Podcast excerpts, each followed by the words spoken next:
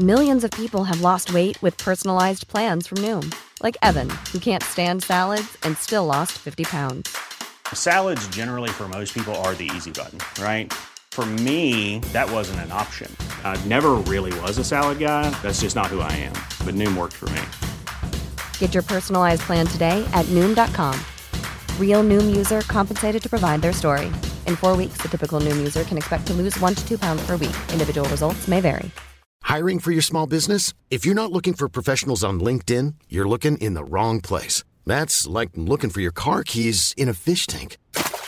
LinkedIn helps you hire professionals you can't find anywhere else, even those who aren't actively searching for a new job but might be open to the perfect role. In a given month, over 70% of LinkedIn users don't even visit other leading job sites. So start looking in the right place. With LinkedIn, you can hire professionals like a professional. Post your free job on linkedin.com slash people today. Hey, it's Ryan Reynolds, and I'm here with Keith, co-star of my upcoming film, If, only in theaters May 17th. Do you want to tell people the big news? All right, I'll do it. Sign up now and you'll get unlimited for $15 a month in six months of Paramount Plus Essential Plan on us. Mintmobile.com slash switch. Upfront payment of $45 equivalent to $15 per month. Unlimited over 40 gigabytes per month. Face lower speeds. Videos at 480p. Active Mint customers by 531.24 get six months of Paramount Plus Essential Plan. Auto renews after six months. Offer ends May 31st, 2024. Separate Paramount Plus registration required. Terms and conditions apply if rated PG. Helt siden de første menneskene slo seg ned i Trøndelag, har det blitt observert underlige lys over Hessdalen. Fenomenet har blitt forsøkt bortforklart som syner sett av bygdetullinger og deliriske hallusinasjoner forårsaket av den lokale drikkekulturen. Men det skulle vise seg at fenomenet stakk langt dypere, når Hessdalen-fenomenet fikk verdensomspennende oppmerksomhet i ufo-miljøet på 1980-tallet. Fenomenet er fremdeles der, og det er fremdeles like uforklarlig som den gang. I 2024 kommer en podkastserie i seks deler, produsert av Project Hessdalen, som kanskje en gang for alle skal finne svar på hva som rører seg på himmelen i denne bortgjemte dalen i Trøndelag. Serien har som seg hør og bør fått tittelen A Blaze in the Northern Sky, og den kommer til din favorittpodkastavspiller i 2024.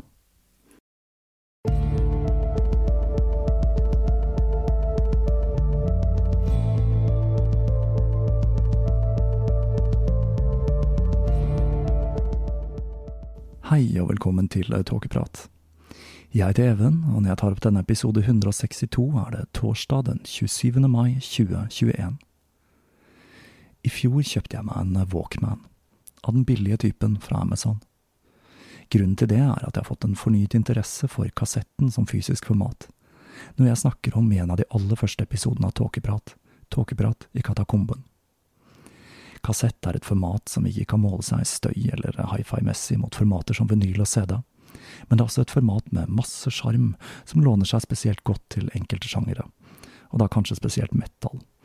Og siden jeg i min ungdom drev med tape-trading, så har jeg en ganske god stabel å ta av. Og med fornyet interesse for formatet, så blir det også stadig flere titler tilgjengelig. Etter jeg flytta, så har jeg ikke lenger plass til kassettspilleren jeg har som stereokomponent i stua og da er en Walkman en grei reserveløsning. Men den spilleren jeg kjøpte, skulle raskt vise seg å være litt for glad i å lage båndsalat, et problem barna av 70-, 80- og 90-tallet sikkert kjenner seg igjen i. Så da bestemte jeg meg for å ty til den gamle skolen, og jeg benyttet meg av Finn, en tjeneste jeg har et svært anstrengt forhold til, for å gå til anskaffelse av en Sony Sports VM35, som var noe av det grommeste av Walkman i min oppvekst. Disse koster i dag mer enn de gjorde som nye, om de er i god stand. Og jeg sektet meg inn på en som ifølge selger kunne spole fram og tilbake og spilte fint, men hadde noen riper. Noe som ikke plager meg, da denne ikke skal på utstilling. Det skulle vise seg at selv om Walkman spilte fint, så var det noen utfordringer. Volumknappen, som på en Sony Sports er et vanntett hjul på siden, kunne dreies helt rundt, noe som kunne tyde på at det var noe knekt inni der og i tillegg så sluttet den å spille om man trykket hardt på volumknappen, og batterilevetiden var underlig kort. Nå er jeg som sagt ikke så superglad i Finn. Det er ganske mange raringer der, og jeg hadde kjøpt en brukt vare som tross alt tilfredsstilte det som var blitt beskrevet i annonsen. Så med det så fant jeg fram skrutrekker og loddebolt. og etter å ha strammet et par skruer og loddet litt på kretskortet, er jeg nå i besittelse av et herlig gult klenodium som er så godt som nytt. Og det gjør at jeg nå kan kjøre rundt i bilen min og føle meg som en skikkelig særing med Walkman fastmontert på dashbordet. Grunnen til at jeg nevner dette, mitt lille MacGyver-øyeblikk, er at jeg nesten hadde glemt hvor bra det føles å reparere ting selv. Med moderne elektronikk, og ikke minst biler, er jo dette noe man overlater til verksted, eller man ender opp med å kaste gjenstanden og kjøper en ny, om det er billigere og mer praktisk. Jeg må si jeg koser meg fælt med denne kladeisen av elektronikk, som føles ut som om den er laget for å overleve en atomkrig. Og så skal jeg gjøre noe så spesielt som å komme med en podkastanbefaling i begynnelsen av denne episoden. Vi skal nå nemlig bevege oss inn i det demoniske, og nylig hørte jeg en podkastepisode som fikk nakkehårene mine til å reise seg. Episoden var The Deling Pod, episode 171 med Jerry Marsinski, som har skrevet boka An Amazing Journey into the Psychotic Mind, Breaking the Spell of the Ivory Tower i 2019. Jerry har tatt for seg arbeidet til den kliniske psykologen dr. Wilson van Dusen, som står bak boka The Presence of Spirits in Madness. Van Dusen begynte å ha samtaler med schizofrene om stemmene de hørte, og han ble etter hvert overbevist om at dette dreide seg om noe helt annet enn hallusinasjoner. I sin bok følger Jerry Marsinski opp denne hypotesen med sine egne pasienter, og han konkluderer med at stemmene tilhører åndelige parasitter som livnærer seg av negativ energi, fullstendig i tråd med hva vi kjenner til av klassiske historier om den slags. Kanskje åndenes makt burde avlegge et besøk på lukket avdeling. Ideen om at det finnes skyggevesener som livnærer seg av negativ menneskelig energi, er eldgammel, ja, kanskje like gammel som menneskeheten selv. Graham Hancock i sin historiske fiksjonsromanserie War God leker med tanken om at det er negative åndsvesener som sto bak konkvistadorenes nedslakting i Amerika, og samtidig sto bak menneskeofringskulturen som regjerte der. Med tanke på steder som ser ut til å tiltrekke seg konflikt og vold, slik som Jerusalem, så er det jo fristende å leke med tanken om at gnostikerne hadde rett, og at det egentlig er Satan som utgir seg for å være Gud, for å lede menneskene til krig, slik at han kan livnære seg på lidelse. Men nå skal jeg ikke ta helt av her. Det var uansett en spennende podkast-episode, og et litt artig tankeeksperiment, det der. Så det var en anbefaling fra meg. The Deling Pod, episode 171 der, altså. Fra Walkman og alternative teorier om schizofreni skal vi nå over i reinspikka demonologi. I min ungdom var jeg, som i dag, veldig opptatt av det okkulte, og jeg husker en episode da jeg var hjemme hos en kjæreste, og far i huset hørte oss diskutere Lillit. denne kvinnelige demonen, eller gudinnen om du vil, som dukker opp titt og ofte i populærkultur så vel som i ymse okkulte miljø. Far i huset lurte fælt på hvor denne karakteren dukker opp, da hun ikke er omtalt i Bibelen, og der hadde han rett. Men det han, og jeg, den gang ikke visste, er at referansen til Lilith er en som har forsvunnet i de mest brukte oversettelsene av Gamle testamentet. Og ikke minst, dette er en svært obskur karakter, som mye sannsynlig har røtter langt tilbake til førkristen tid. Nylig fikk jeg et ønske om nettopp Lilith som tema. Jeg har vært inne på tanken før, men dette er et såpass obskurt tema med få kilder, så jeg var usikker på om det var mulig å koke i hop en hel episode om henne. Jeg er jo tilhenger av å bruke litteratur og ikke Google som kildemateriale. Men denne gangen skal jeg gjøre noe så uoriginalt som å ta utgangspunkt i Wikipedia-artikkelen om Lilith. For denne er faktisk ganske så bra å systematiserer temaet på en god måte. Men uh, ikke for det, dette er også en finfin anledning til å gjøre et lite dykk i den okkulte boksamlingen min. Det er mange som er skeptiske til Wikipedia. Selv mener jeg at Wiki er en av de aller beste tingene som har kommet ut fra internett et gratis, brukerdrevet leksikon. Det er klart at det kan være feil der, og wiki-artikler mangler ofte dybde, men det gjelder tjenester som Store norske leksikon også. Det er i det hele tatt litt underlig at et så åpent forum som Wiki kan fungere så godt som det gjør. Men det viser vel at vi mennesker kan få til bra ting på internett også, og ikke bare spy ut eder og galle mot ymse politikere, eller koke i hop nye versjoner av gamle jødekonspirasjoner, slik som blant annet QAnon har vist seg kapable til. Og med det tror jeg vi bare setter i gang med episoden, og stifter et nærmere bekjentskap med nattens dronning, Lilith.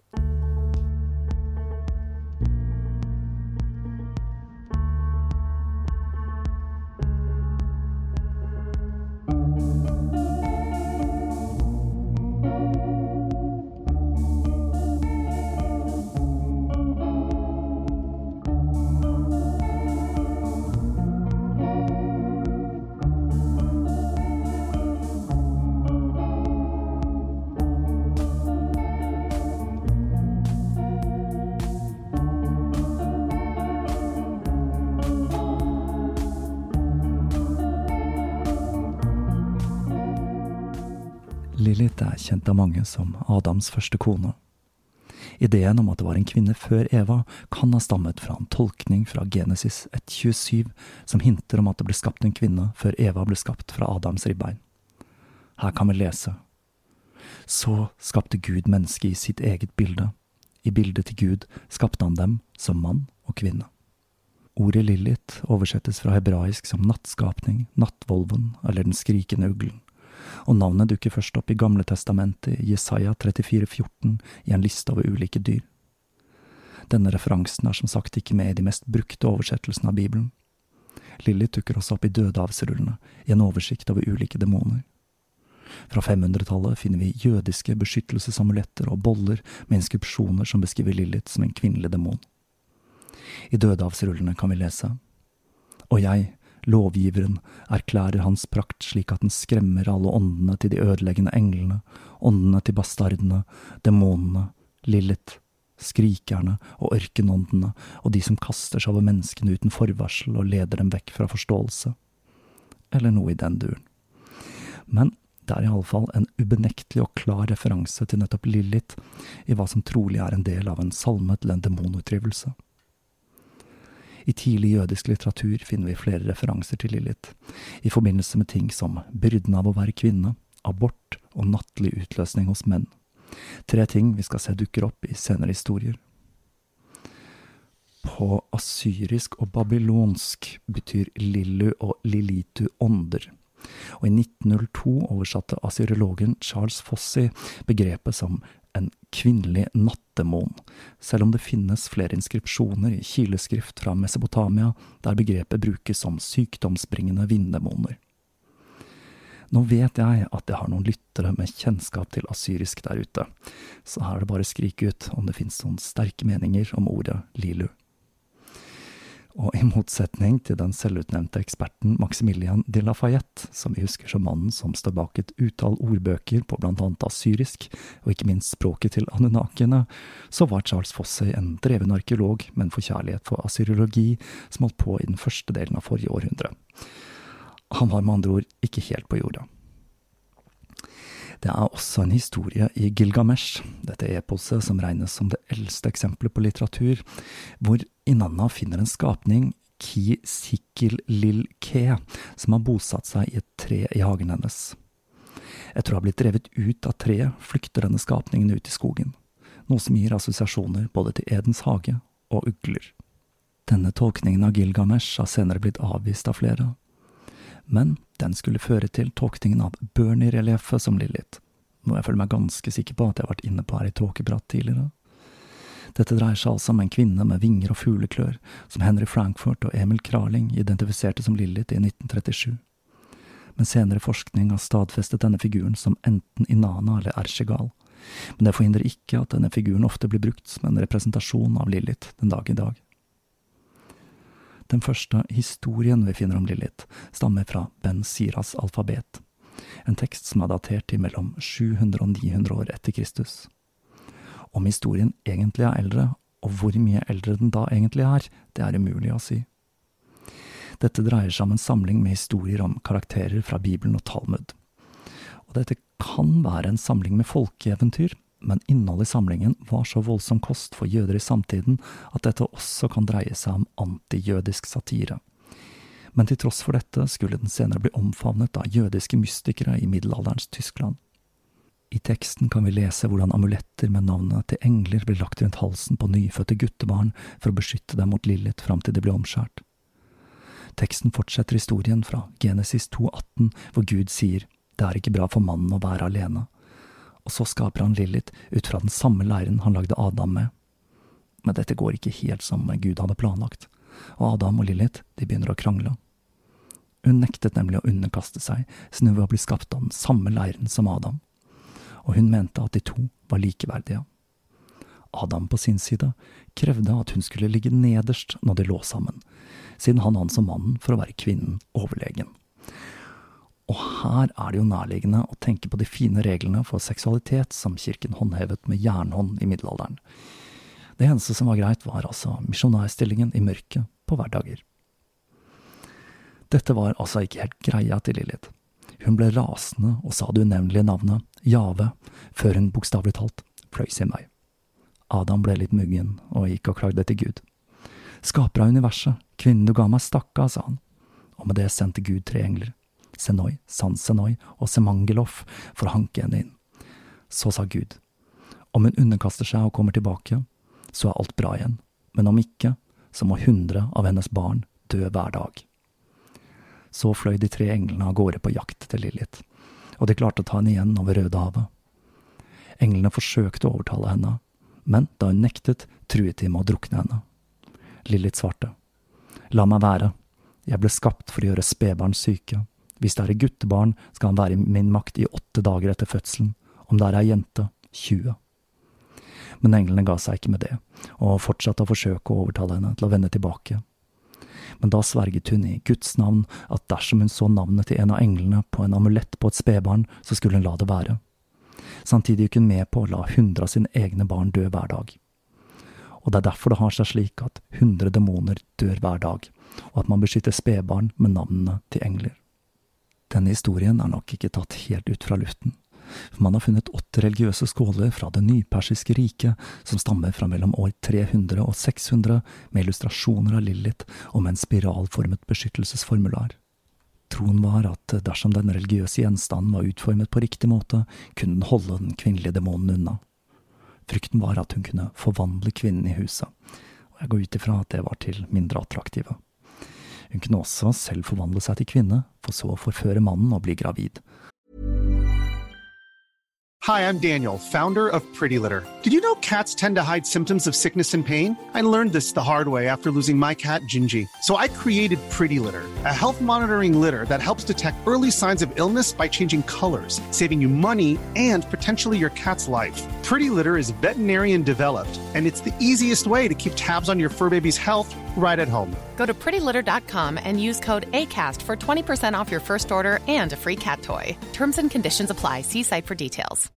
Millions of people have lost weight with personalized plans from Noom, like Evan, who can't stand salads and still lost 50 pounds. Salads, generally, for most people, are the easy button, right? For me, that wasn't an option. I never really was a salad guy. That's just not who I am. But Noom worked for me. Get your personalized plan today at Noom.com. Real Noom user compensated to provide their story. In four weeks, the typical Noom user can expect to lose one to two pounds per week. Individual results may vary. hun kunne også forvandle seg til en mann og forføre kvinnen i huset og gjøre henne gravid. Her var det iallfall full likestilling. Utfordringen var at Lilith ville bli sjalu på og drepe barn hun selv ikke var mor eller far til.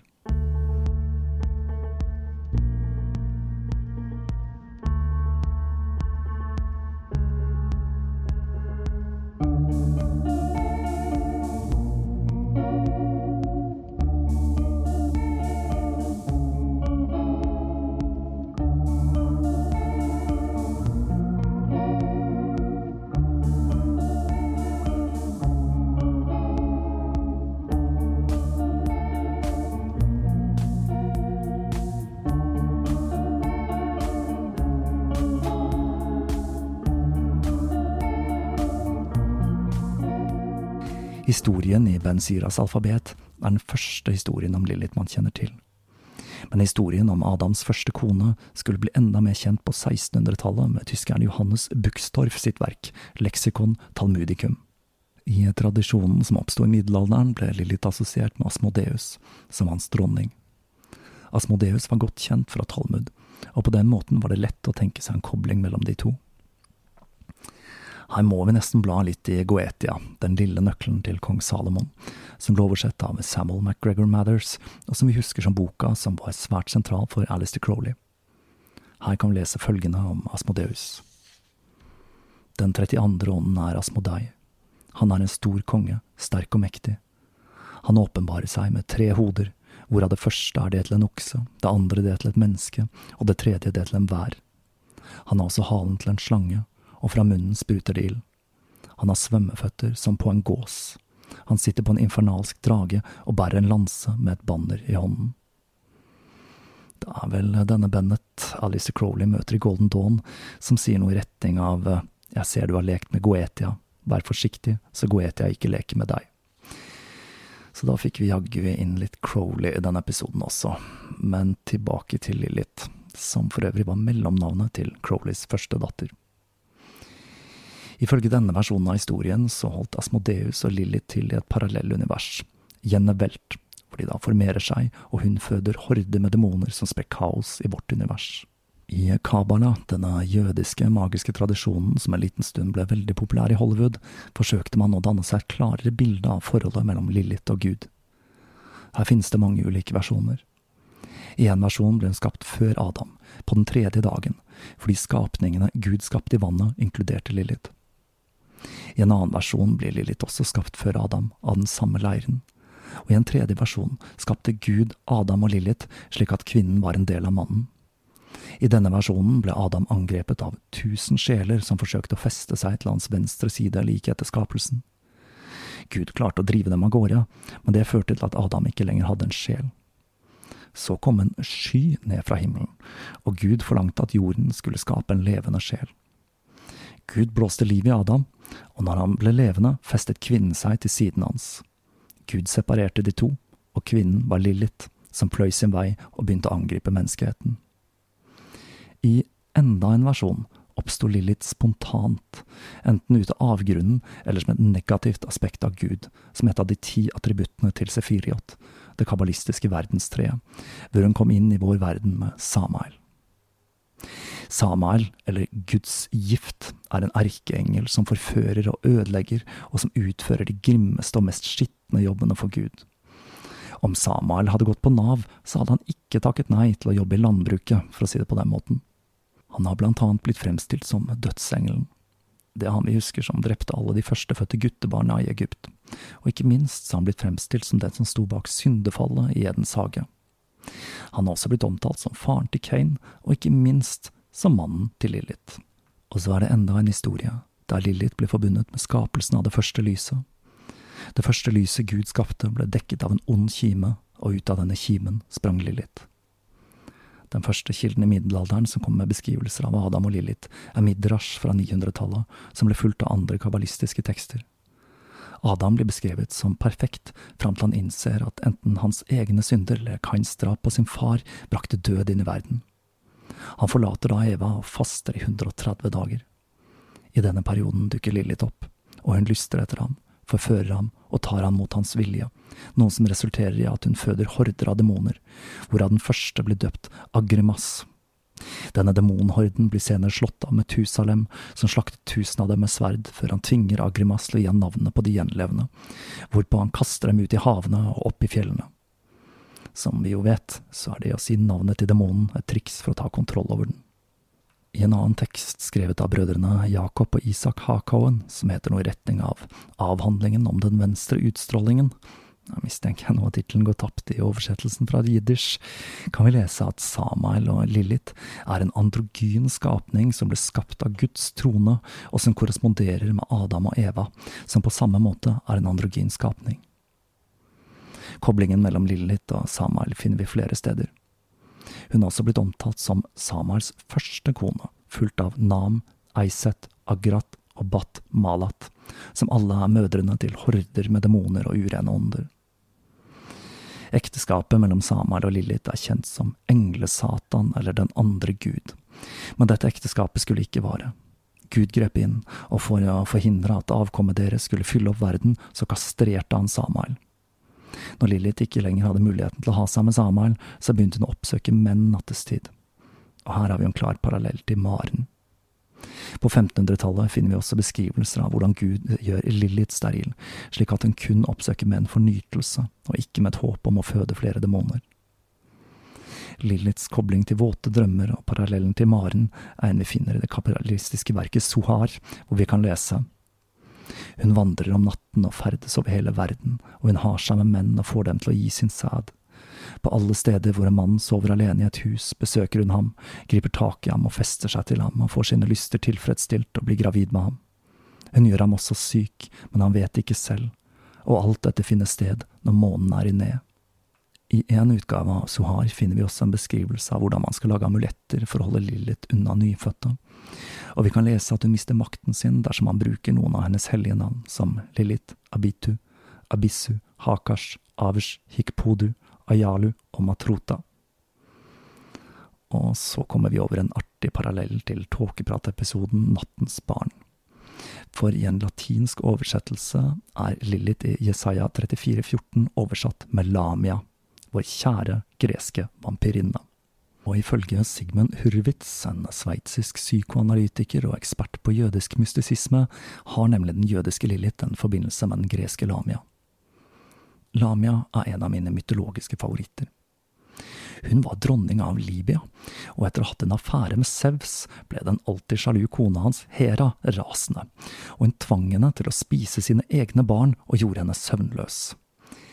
Sevs var ikke helt fornøyd med konas reaksjon, så han ga Lamia evnen til å fjerne øynene sine slik at hun kunne sove. I tillegg så skjenket han henne spådomskunsten. Lamia er en kvinnelig nattemon med slangeaktige kvaliteter som spiser barn, og i tillegg har seg med menn nattestid og gjør dem syke. Akkurat på samme måte som med Lilith. Så det er lett å forestille seg en kobling her. Historien om Lamia lever for øvrig fremdeles i beste velgående i Hellas, hvor historien ble brukt til å skremme ulydige barn. Det kule her er at vi har også vår egen historie om Lilith. Dette er også et tema jeg for så vidt har tatt for meg tidligere, men det er et som er så utrolig stilig å få inn i denne episoden. Og det er historien om Lucy, som er en demonlignende vette i norsk og svensk folketro. Denne skapningen leder Lucy-reia, som er en utgave av den ville jakten på samme måte som Åsgårdsreia, og som finner sted kvelden før og natten den 13. desember, som er Lucia-dagen, og som var vintersolverv i den julianske kalenderen som ble brukt fram til 1700-tallet. I flere nordiske sang blir nemlig Lucy beskrevet som Adams første kone og som mor til de underjordiske. Noe som er utrolig kult, og som syr sammen vår egen kultur med forestillingen om Lilith. I arabisk kultur finner vi også en parallell til Lilith. Den arabiske forfatteren Ahmad al-Buni, som levde på 1200-tallet, skriver om en demon som omtales som barnas mor og i arabiske folkeeventyr blir det fortalt om en djinn eller en onon som heter Karina, som ble avvist av Adam og derfor lå med Iblis, som er en fallen engel eller en djinn i islam, noe som resulterte til at hun fødte horder med demoner og ble kjent som demonenes mor. For å hevne seg på Adam jakter hun på menneskebarn ved å drepe ufødte barn i mors liv, ved å gjøre menn impotente eller ved å drepe spedbarn. Lilith har ikke minst inspirert vestlig tankegang. Hun dukker for første gang opp i Goethes Faust fra 1808, hvor djevelen advarer Faust mot henne, hvorpå hun og Faust har en dialog hvor Lilith forteller om sin tid i Edens hage. Utover 1800-tallet plukker flere opp denne tråden, og hun begynte å dukke opp i kunst og litteratur som en slags fem fatal. Liliths rolle skulle utvikle seg både som et symbol på kvinnens farlige forførerskhet, men også etter hvert som et symbol på kvinnefrigjøring. I tillegg til i kunst og litteratur gjorde Lilith også sitt inntog i vestlig esoterisk tradisjon. Gerald Gardner, som vi husker som grunnleggeren av Wicca, som jeg tok for meg i serien Hekse, hevdet, ikke uventet, at det har eksistert en kontinuerlig tilbedelse av Lilith fram til vår tid, i tråd med den vesteuropeiske heksekulten og Margaret Murray. Doreen Valiente, som jeg også har tatt for meg her i Tåkeprat, utbroderte den ideen og malte Lilly som en personifisering av det erotiske og seksuelt undertrykkede. I boka hennes Witchcraft for Tomorrow kan vi lese følgende avsnitt som handler om bruken av symbolet heksefoten.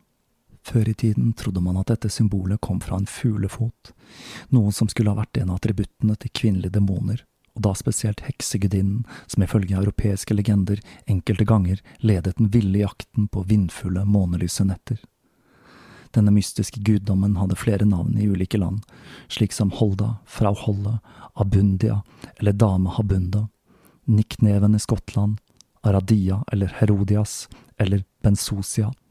Hennes stammor er Lilith, månegudinnen i det gamle Sumeria, som blir avbildet med fugleføtter, mye sannsynlig på grunn av hennes kobling mot den hellige fuglen, uglen.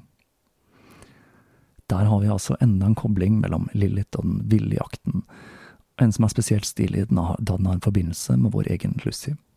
Charles Leland, som sto bak Aradia, heksenes gospel, en bok som ifølge Leland inneholder den religiøse praksisen til en gruppe hekser i Toskana, assosierte Lilith med Aradia, datteren til Diana. Dette er da enda en gruppe innen Vika, Stregeria, italiensk heksekunst.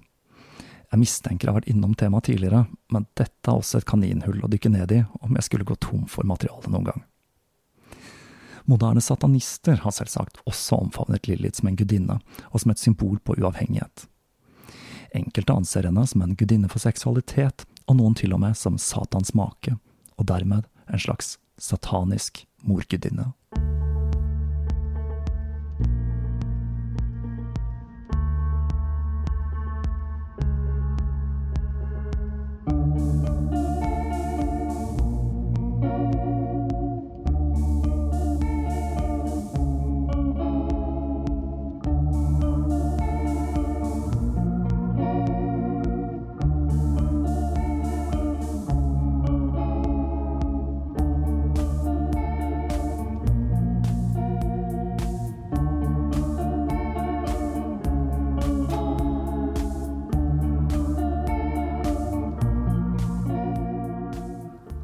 Det er det slutt for denne gang.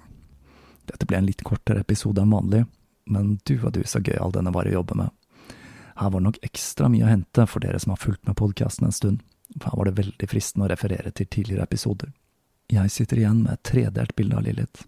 Det første er det bibelske, som Adams opprørske kone som nekter å underkaste seg, og dermed blir mor til nattens barn. Det andre er som en kvinnelig nattdemon som tar livet av spedbarn og har seg med sovende menn, og det tredje er som en mørk gudinne fra sivilisasjonens spede begynnelse. Det er uansett ikke så vanskelig å forstå hvorfor denne skikkelsen har inspirert så mange, og hvordan denne samme figuren kan brukes til så mange ulike ting, fra feminisme til satanisme, fra demonisk tilstedeværelse til månegudinne. En utrolig spennende skikkelse er hun nå uansett, og magefølelsen min sier at dette er en figur som har en langt lengre og mer omfattende historie enn hva vi kjenner til. Og med den 162. episoden i boks er tiden inne for å gyve løs på 163. Jeg har et tema jeg egentlig hadde tenkt å ta for meg i januar, men som jeg valgte å utsette, og som mulig vil føye seg godt inn i rekken etter denne episoden. Mer okkulte greier, med andre ord. Vi får se hva det blir til. Fram til da så skal jeg kose meg med Walkmanen min og pusle med episodematerialet. Som vanlig vil jeg rette en takk til alle patrions. Dere som hører på, de som har donert, og de av dere som har handlet i nettbutikken. Tåkeprat er en uavhengig podkast som drives ene og alene av meg, og jeg er utrolig takknemlig for all støtte. Jeg syns det er like gøy hver gang jeg får melding fra lyttere som akkurat har oppdaget podkasten, og som pløyer seg gjennom samtlige episoder på rekordtid. Så om du kjenner noen du tror kan ha glede av tåkeprat, så spre gjerne det glade budskap. Fram til neste episode gjenstår det vel bare å si Shema Forash.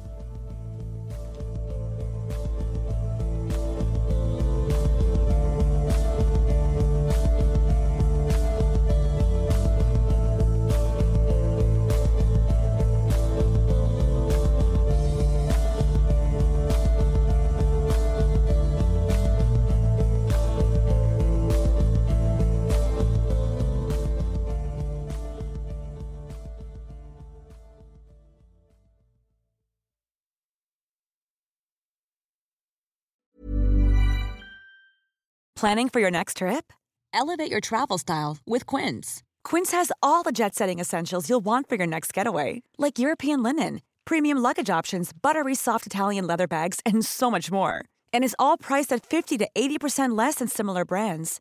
Plus, Quince only works with factories that use safe and ethical manufacturing practices. Pack your bags with high-quality essentials you'll be wearing for vacations to come with Quince. Go to quince.com slash pack for free shipping and 365-day returns.